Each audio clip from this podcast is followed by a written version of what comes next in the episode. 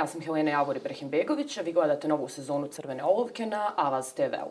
Sa mnom u studiju večeras je delegat u Domu naroda Federacije Bosne i Hercegovine i zastupnik Naroda i pravde u Skupštini kantona Sarajevo, gospodin Aljoša Čampara. Gospodine Čampara, dobro večer i dobrodošli. Dobro večer, hvala na pozivu i pozdrav gledatelj.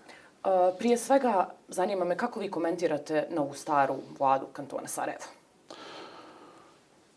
Pa treba će malo vremena jel, da vidimo, ovaj, svakoj vladi treba dati 100 dana, e, da vidimo kako će se ovi novi ministri snaći. Naravno, ostalo je i e, veći broj ministara iz e, stare vlade sa istim novim starim jeli, e, premijerom. Ja da iskren budem, ja sam to i govorio i na samoj skupštini kantona Sarajevo, da ovi rezultati ove jel, prethodne vlade koja je radila nekih 6-7 mjeseci, da su bili onako poprilično mršavi i da ne mogu biti zadovoljan sa radom te vlade sa svim onim jeli, ovaj, što su nam isporučili u tih nekih 6-7 mjeseci. Naravno da je to kratko e, vrijeme i ako uzmemo ove sve ukupne političke okolnosti same parlamentarne većine koja je, moram priznati, od samog početka e, bila onako poprilično e, čudna i nije se osjetila ta e, energija zajedništva, iskrenosti u samoj toj parlamentarnoj E, većini, ali evo iskreno se nadam da će se sada možda promijeniti odnosi i okolnosti u samoj parlamentarnoj većini da možemo očekivati bolje rezultate i da trebamo tražiti i kritizirati ukoliko je potrebno ne samo opozicija, nego mi iz parlamentarne e, većine da nam isporuče dobre rezultate, da nam isporuče ono što građani kantona od njih očekuju kao nekoga ko predstavlja ili obnaša funkcije u izvršnoj e, vlasti. Naravno, ja sam komentirao i e, samo izbacivanje stranke za BiH iz te e, parlamentarne većine. Ja da, osobno da sam vodio te procese i da sam ja odlučivao o tome, ja bih vjerovatno uh, drugčije postupao u smislu koalicijonog kapaciteta. Ne bi ga, da je četvorka ovaj, jača od trojke. Ne bi ga smanjivao. Pa evo, ko će biti sad jači, to će se vjerovatno pokazivati da li će ova četvorka ili ovaj opstati. Vidjeli smo i kod njih određene turbulencije kako je SDA u startu u HNK izdao i prevario ovaj NES. Ali evo, vrijeme je pred nama pa ćemo vidjeti. Ali u svakom slučaju od nove vlade očekujem puno više, puno bolje, da rade efikasnije, e, stručnije, brže, da donose hrabre odluke, da se posvete nekim infrastrukturnim, ozbiljnim projektima, da imamo vidljivih projekata, ono što građani mogu vidjeti golim okom, osjetiti u svakom smislu e, te riječi. Mislim da Sarajevo zaslužuje da bude evropska metropola i da bude centar regiona i u kulturnom, i u turističkom, i u ekonomskom smislu, i u smislu evo građenja te infrastrukture glavnog grada, glavnog grada mislim a ovo dosta što smo gledali pa inače i u zadnjih deseta godina mislim da je to ipak ovaj imamo jednu vrstu ovaj zastoja. Nemoguće je na primjer da gledamo 5 6 godina da mjesta kao što su Buća i Buljakovo potok nisu povezani vamo mostom da to ovaj e, stoji nekih 5-6 godina, pa mislim nema Problem razloga za to. Problem svake kiše i Problem prilikom svake kiše i tako dalje. Mislim stvarno da se ovaj e, može i da se treba e, više posvetiti. I ja sam i govorio na samoj skupštini da ću biti kritičan prema svemu, ali naravno tu smo i da pohvalimo ono što je dobro. A može li uh, gospodin Niha Duk, on je veoma mlad, može li on da povede sve te potrebne reforme? Evo i sami ste rekli, javno kritizirate ovu staru vladu, a evo on je inače u nove.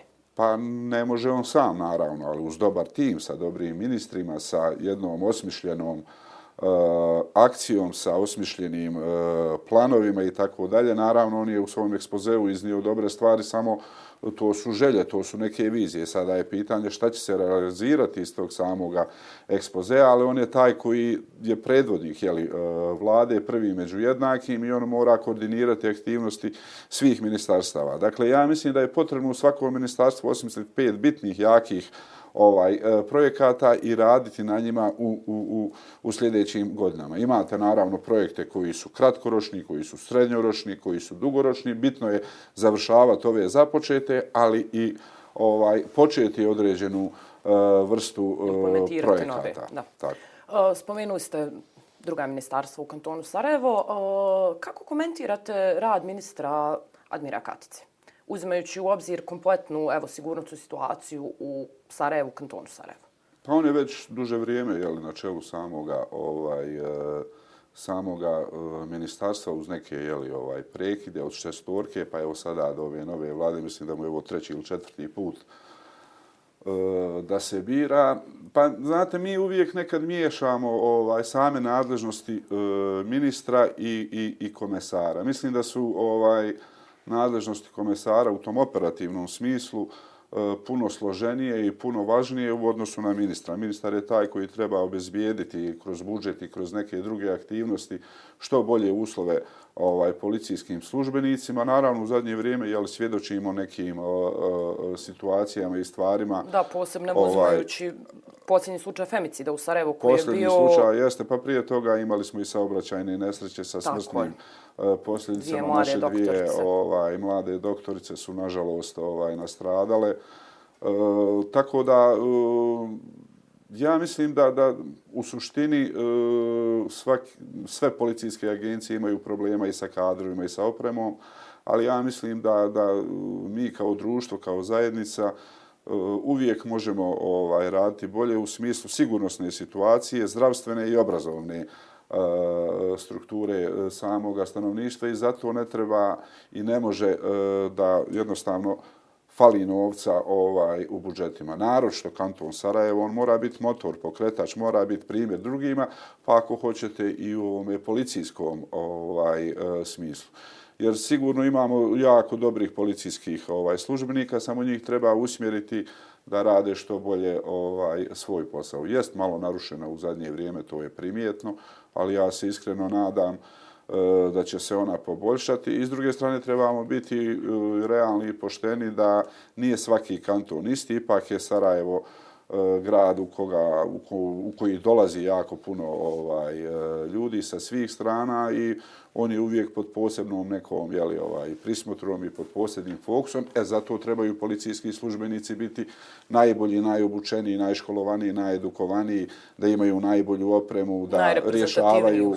tako je, da rješavaju ovaj, određene uh, slučajeve uh, što brže, tako da, ali evo vidit ćemo u narednom periodu šta će se dešavati. Evo, spomenula sam već, nažalost, slučaj femicida kojim smo skoro svjedočili, međutim, tu su i brojne druga hapšenja.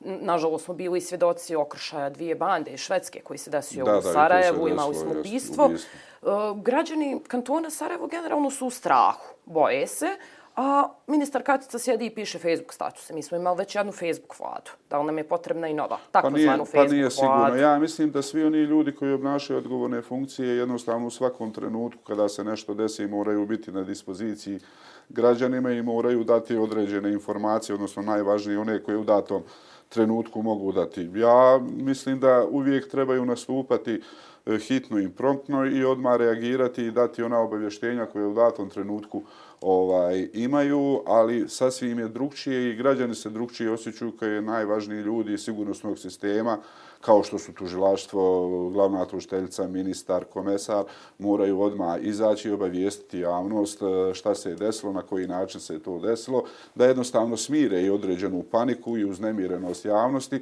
koja je opravdana čim se desi neko ubistvo ili neke bande koje dolaze sa e, zapada i zapadnih zemalja i vrše međusobne obračune ovde e, u Bosni i Hercegovini, posebno u glavnom gradu. Dakle, mora se ovaj reagirati javnosti, dati uh, Eh, informacije koje se mogu dati u datom trenutku. Da, evo, eh, nažalost, nakon teške saobraćene nesreće koju su poginule dvije mlade doktorice, dva života su eh, nestala, imali smo jedan određen period pojačanu policijsku kontrolu. Sada se je to nestalo, izgubilo se. Ja mislim da treba biti kontinuirana ta jeli, ovaj, policijska kontrola. Ja mislim da su svi građani prezadovoljni kada ja, na primjer, kao obični građanin, kada vidim policajce na ulici, patrole, ja se ipak sigurnije osjećam. E, ne ja kao ja lično, nego sigurnije se osjećam i radi svoje porodice, i radi svoje djece, i radi svojih prijatelja. I ja mislim da je dobro da imamo što više policijskih službenika raspoređenih Da, po, naravno, evo, umeđu vremenu je po to Sarajevu. Pa evo, ne znam, ne znam e, detalje. Ako je opao, nije dobro da je opao i mora se to vraćati. Evo, malo na politiku da prijeđemo. Ko ruši trojku u kantonu Sarajevo? Pa vjerovatno ruši opozicija, to je njihov interes ovaj, e, da se trojka e, ruši, mada mislim da ona ipak u sve ove nedostatke i neke poteškoće e, opstaje u kantonu Sarajevo i to je poprilično ovaj, vidljivo.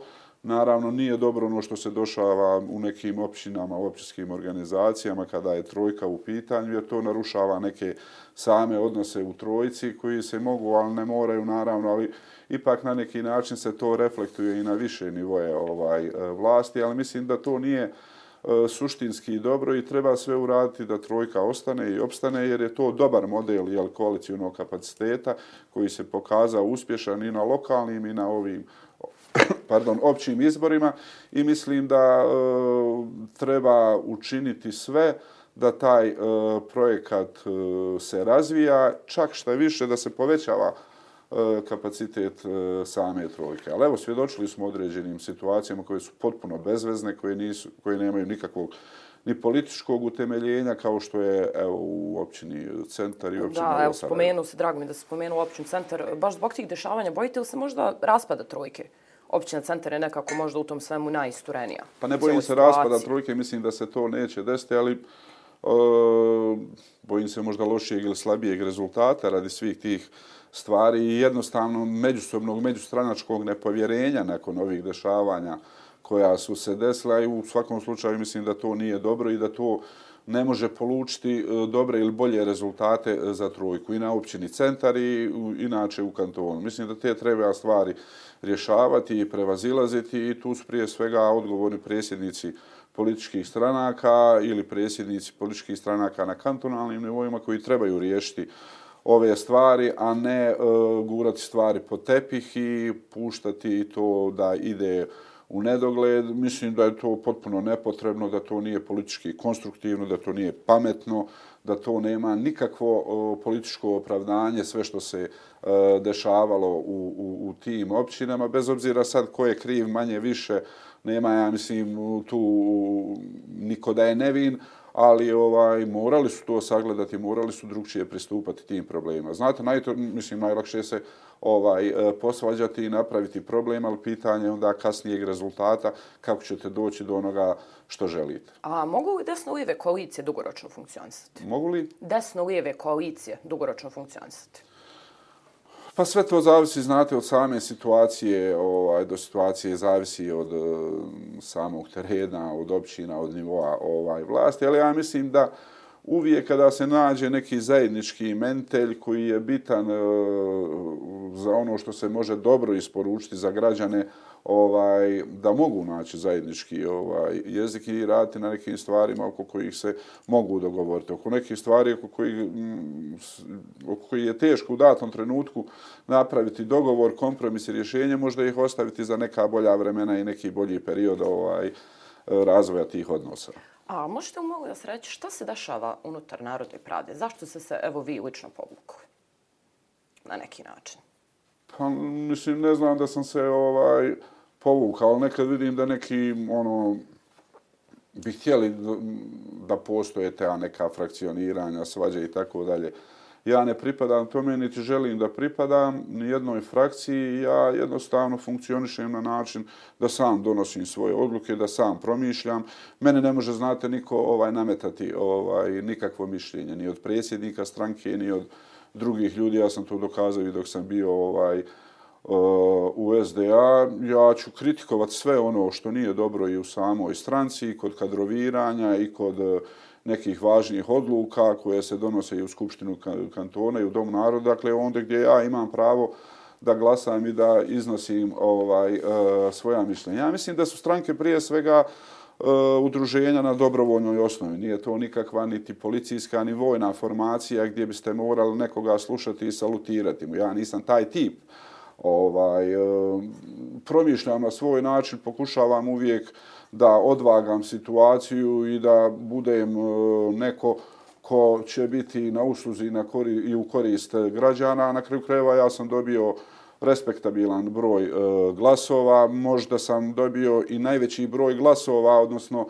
najbolje prošao procentualno svih ljudi koji su se kandidovali od strane e, NIPA, zato što ja nisam bio ni nosilac liste, ni broj 2, ni broj 3, nego sam bio broj 4, pa sam onda preskočio i one ljude koji su osnivali ovaj E, NIP e, bio na toj listi. Možda je to nekome ovaj, e, zasmetao moj broj glasova, ali nisam ja mogao uticati na to. Na to su uticali prije svega građani. Nešto su prepoznali ovaj, vjerovatno u meni. Ja, evo, ja im se uh, zahvaljujem, ali ja nisam onaj koji sluša i koji će po svaku cijenu glasati ako mu nešto naredi ovaj uh, politička uh, partija. To zna i naš predsjednik uh, Konaković s kojim ja imam uh, vrlo korektne i dobre uh, odnose koji, by the way, odlično radi svoj posao ministra vanjskih poslova, ali nažalost nije baš uh, radi tog posla ni toliko prisutan. Ovaj u zemlji mislim koliko radi dobro posao ministra vanjskih poslova to se vam osjeti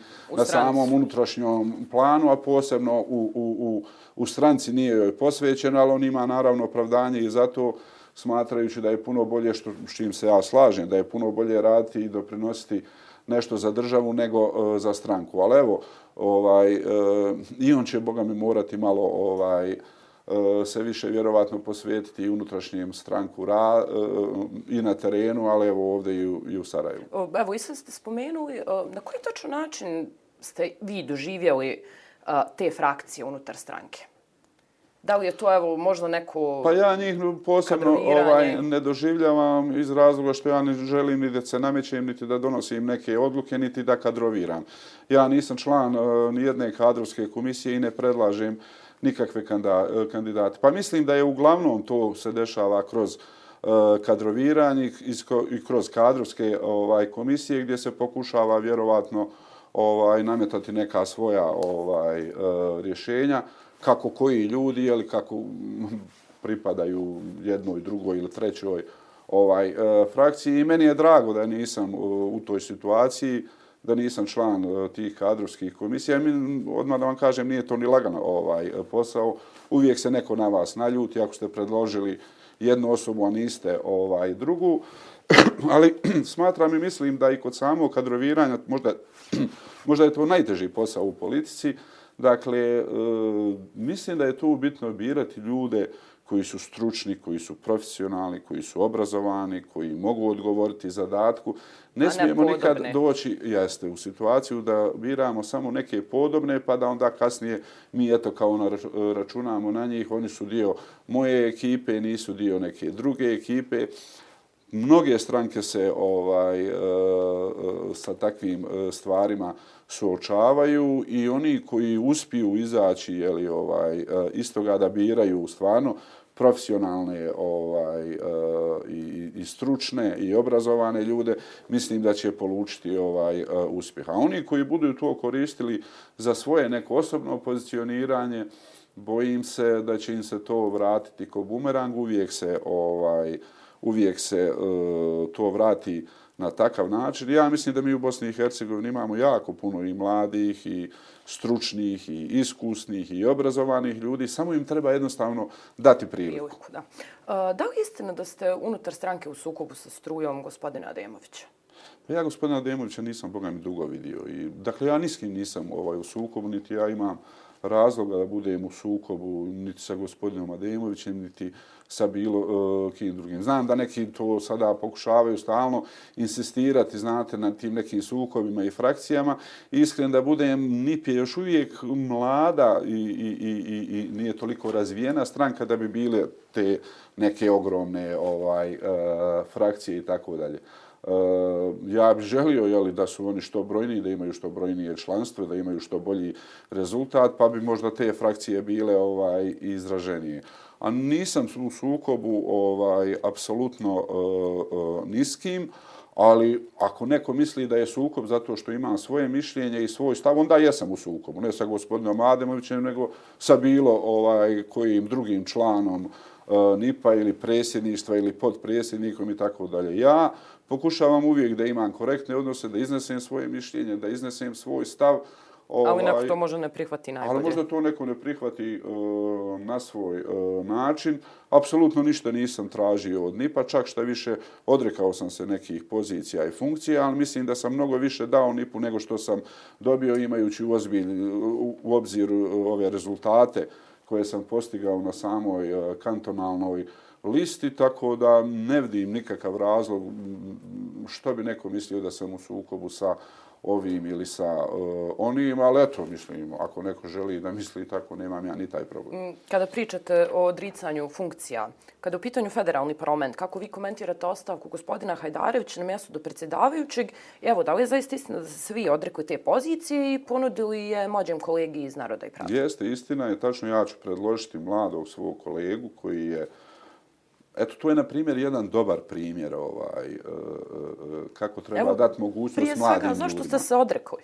Koji je vaš pa, povod razlog? Pa, prije svega, prošla je godinu dana, gospodin Izen Hajdarević se povukao zato što je to bilo dogovoreno od samog početka, jer treba uh, delegat da dođe iz socijaldemokrata. Takav je bio ovaj uh, dogovor stvarno od početka kada smo bila, birali ovaj uh, same delegate u Dom naroda. Pa vidite, prošla je godinu dana od samih ovaj e, izbora. Ja sam i obnašao tu funkciju i u prošlom ovaj mandatu. Ali htio sam na neki način, eto, pored svega toga i, i tog proteka ovaj e, vremena, da pokažem evo i ljudima, e, evo, pa recimo i u NIP-u, da nije sve u tim nekim funkcijama, e, da e, da pokažemo i da pružimo priliku mlađim ljudima kako neki mlađi ljudi mogu doći u situaciju da obnašaju ovaj neke e, značajnije e, funkcije. A odličan jedan primjer toga je jedan mladi čovjek Nezi Malagić koji dolazi iz Goražda, iz Bosansko-Podrinskog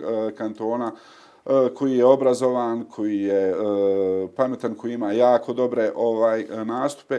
Evo da kažemo mlađim generacijama i ljudima da ima mjesto. Zašto bi ja uvijek morao obnašati neku ovaj funkciju? Ili zašto neki drugi ljudi koji su funkcioneri u stranci, zašto uvijek oni moraju ovaj obnašati A, e, neke kome funkcije? Kome ste u NIP-u htjeli da pokažete da nije sve do funkcije? Pa, pošo, pa evo, pa svim ljudima, ne samo u NIP-u, nego i van ovaj, NIP-a. Da, znate, mi stalno pričamo kako treba zadržati mlade ljude, ljude, kako treba dati šansu mladim ljudom. Pa evo ovim primjerom možda sam evo pokazao kako bi to otprilike ovaj, e, e, izgledalo i kako se može, naravno, ne samo ovo u smislu zakonodavne vlasti, nego možemo to raditi na primjerima izvršne vlasti. Naravno, birati one ljude koji su ovaj uh, stručni i efikasni.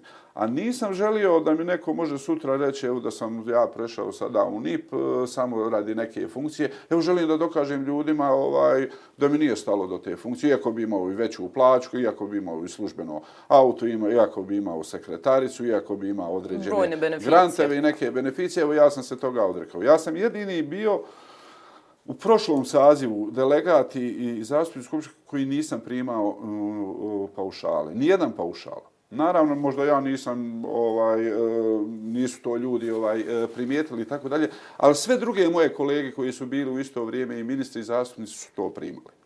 Dakle, htio, vjerovatno sam možda dobio i nagradu od građana, neko je ovaj, e, to to primijetio, ali želim jednostavno da, da, da, da nekim svojim primjerom pokaže, pa evo da mogu sad kod vas doći u emisiju ili kod bilo koga drugog i reći, evo ja sam se odrekao te funkcije u korist ovaj e, mladih e, ljudi. Dakle, moramo nekako svojim primjerom pokazati da je nešto drugačije, da možemo drugačije, da možemo bolje, da nije sve u, u, u tome da obnašamo ovaj, e, samo mi neke funkcije.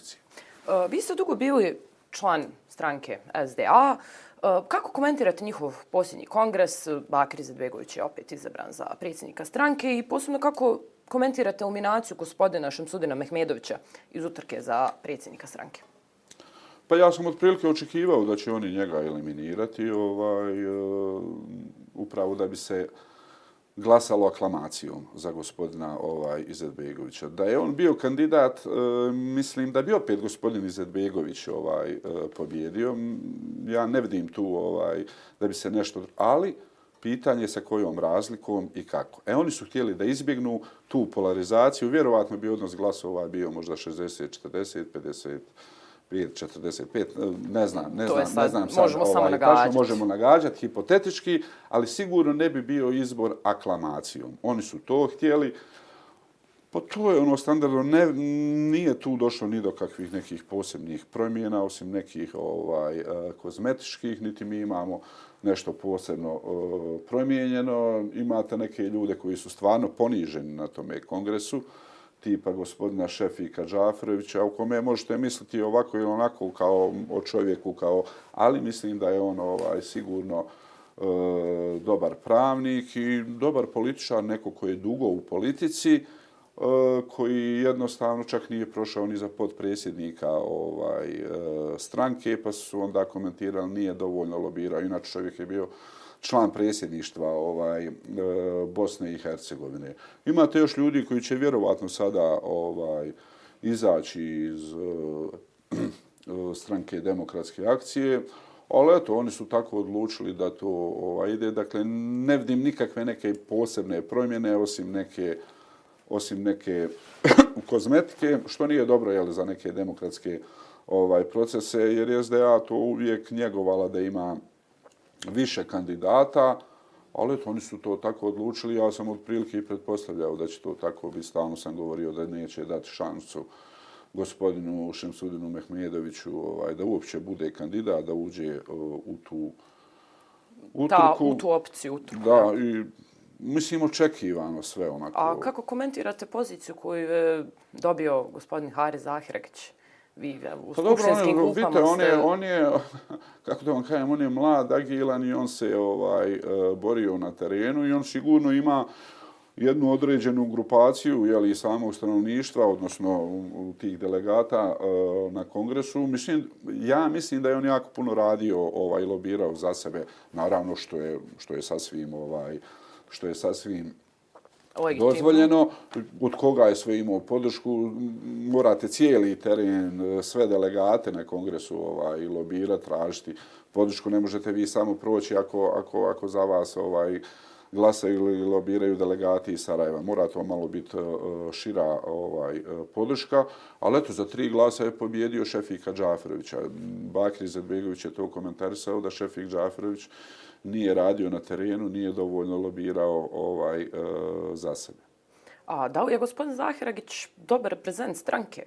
Posebno uzimajući u obzir evo njegove medijske nastupe i Pa to je pitanje za samu stranku. Vjerovatno oni misle da jest čim je dobio ovaj e, broj tih glasova. Znate kako vam to izgleda? To je stvar ovaj same je li na koju fokus grupu vi ovaj djelujete ciljate. i ko će ih ciljate i ko će i ko će glasati ovaj za vas. E, gospodin Mehmedović je nakon kongresa SDA najavio da osniva svoju stranku, a evo sada se u javnosti pojavljaju informacije da će tu stranku zajedno da će jedan od osnivača biti član predsjedništva Bosne i Hercegovine, ja gospodin sumnjam. Denis Bečirović. Ja sumnjam da će gospodin Denis Bečirović, on mi je zadnji, na primjer, čovjek koji bi osnivao ovaj, neku političku stranku. Ja mislim da on to neće, da on ostaje prevržen SDP-u. Dakle, to je moje promišljanje, ne mora značiti ovaj, da će to biti tačno. A mislim za početak, a kada govorimo o gospodinu Šemsudinu Mehmedoviću,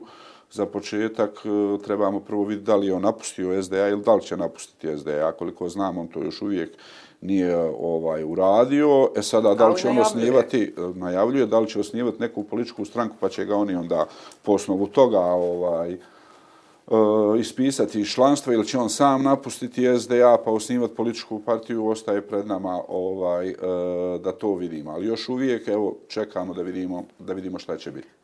Ta nova stranka može li ona da ugrozi NIP na neki način? Pa ne vjerujem da može da ugrozi ovaj NIP. Nisam ja baš shvatio iz tih medijskih nastupa da bi to bila neka nova politička stranka. Više je to kao pokušaj okupljanja nekih drugih stranaka pod ovaj e, tim nekim političkim projektom. Mislim da to neće baš ići dobro. A, ako tako bude. Pa da li bi uopšte SDA dozvolila gospodinu Mehmedoviću tako neko okupljanje? Pa ne znam, bilo mu SDA dozvolila sumnjam, ali ovaj ne vidim ja razloga ni da jedna druga politička stranka bi to ovaj razla. Zašto bi neko išao evo, na primjer, Trojka ili neke druge stranke, zašto bi išali po, oni pod neki politički projekat koji bi vodio Šemsudin Mehemedović ili bilo ko drugi. Mislim, mam, onako malo je to nadrealno. Uh, bi, evo, za kraj, još jedno pitanje. Uh, bili ste dugo godina član SDA, sada ste već evo nekoliko godina u NIP-u. Ko je bolji šef, Bakir Zedbegović ili Elmedin Konaković? Pa prije svega ja ne volim te riječi šef. Mene nikad niko nije bio od njih šef. Niti mi je Bakir bio šef, niti mi je Elmedin Konaković uh, šef. Ja sam prije svega sa oba dvojicom bio stvarno u nekim normalnim prijateljskim ovaj, odnosima. Teško je to porediti SDA i NIP. Mislim, razlika je to SDA je stranka koja postoji već 30 i nešto godina, koja ima i svoju unutrašnju infrastrukturu, veća je, glomaznija je. E, NIP je stranka koja je u, u, u, u, u razvoju. Ovaj, mnogo veću energiju pokazuje uh, gospodin ovaj, uh, Konaković, naravno ima vam s druge strane vjerovatno i veće iskustvo i po godinama i sve gospodin ovaj e, Bakir iz Izetbegović, ali mislim da su to sada trenutno neuporedive ovaj neuporedive e, stvari i, i, i neuporedivo je porediti e, njih dvojicu, ali mislim da gospodin Konaković ima jednu jako veliku, veliku energiju, što je jako bitno u, ovaj, u politici, ne samo kad ste predsjednik stranke, nego i kad obnašate neku ovaj izvršnu funkciju. Dakle, možete ga voliti, možete ga ne voliti, ali morate mu priznat neke stvari, evo, na primjer, u smislu rada kao ministra vanjskih poslova Bosne i Hercegovine. Dakle, imamo potpuno jednu drugu sliku Bosne i Hercegovine u međunarodnim institucijama, kod međunarodne zajednice, kod naših e, prijatelja. Pa evo, samo uporedite mandatni period ovaj prethodne ministrice i gospodina ovaj, uh, Konakovića. Znate, u prethodnom e, periodu je to ministarstvo bilo poznato po hurmama, i eventualno po, po, po nekim uhljebljavanjima. A ovo što radi gospodin Konaković, ovaj, mislim da stvarno radi ovaj, e, dobro taj posao. Mi se nekad volimo našaliti ovaj, da, to, da to trpimo vamo na unutrašnjem planu, u smislu unutrašnje politike i na unutrašnjem planu samog rada ovaj e, stranke. Ali naravno, teško je to sve ovaj pomiriti. E, mislim da ipak puno bolje i puno važnije da se rade poslovi od, od, od državnog interesa, ali tu ima i nas vamo koji nešto ćemo vjerovatno ovaj, e, pomagati na tom unutrašnjem planu i na tom stranačkom planu. Gospodine Čampara, hvala vam puno što ste bili moj večerašnji gost. Hvala vama na pozivu. Evo, da se zahvalim još jednom. Dragi gledatelji, bilo je ovo prva crvena olovka u novoj sezoni. Budite sa nama i sljedeće sedmice, a ja vam želim ugodan ostatak večeri i laku noć.